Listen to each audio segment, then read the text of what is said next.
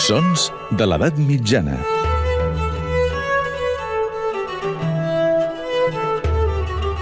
Amb Maria Montes.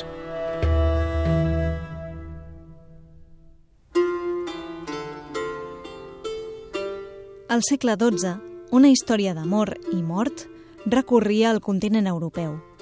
El protagonista masculí era un bon cavaller, nebot del rei, destre amb les armes i alhora amant de les lletres i la música. Tocava l'arpa i la viola i en cantar imitava els ocells. A l'altra banda, la trobàvem a ella, una dona noble, rossa i vella, que havia heretat de la seva mare l'habilitat de guarir amb herbes i que se'ns presenta com a prudent, però també temerària, enamorada i espantadissa.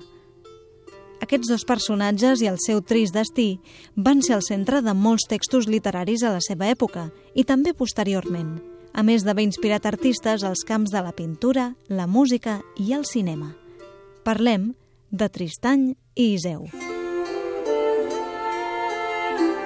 No sabem realment quan ni on va sorgir aquesta història – els estudiosos suposen que el seu origen es trobaria a Escòcia, des d'on hauria emigrat cap al sud a través de les interpretacions dels juglars i hauria acabat fent el salt a Europa.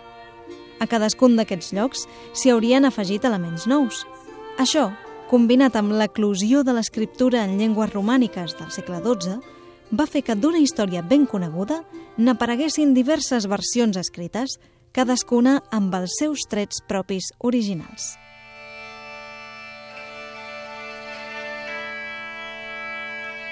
En qualsevol cas, Tristany i Iseu és una obra literària francesa que coincideix en el temps amb l'auge dels trobadors.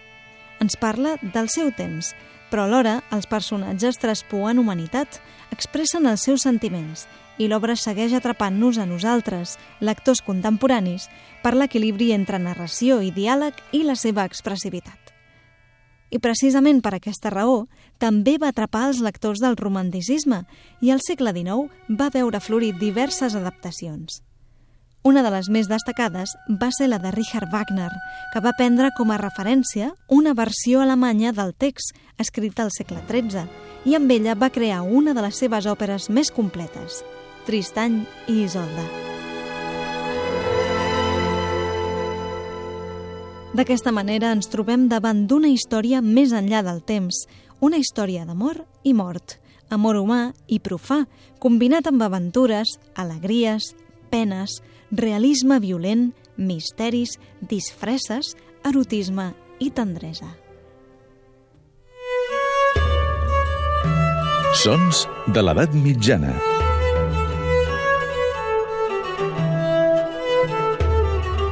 Amb Maria Montes,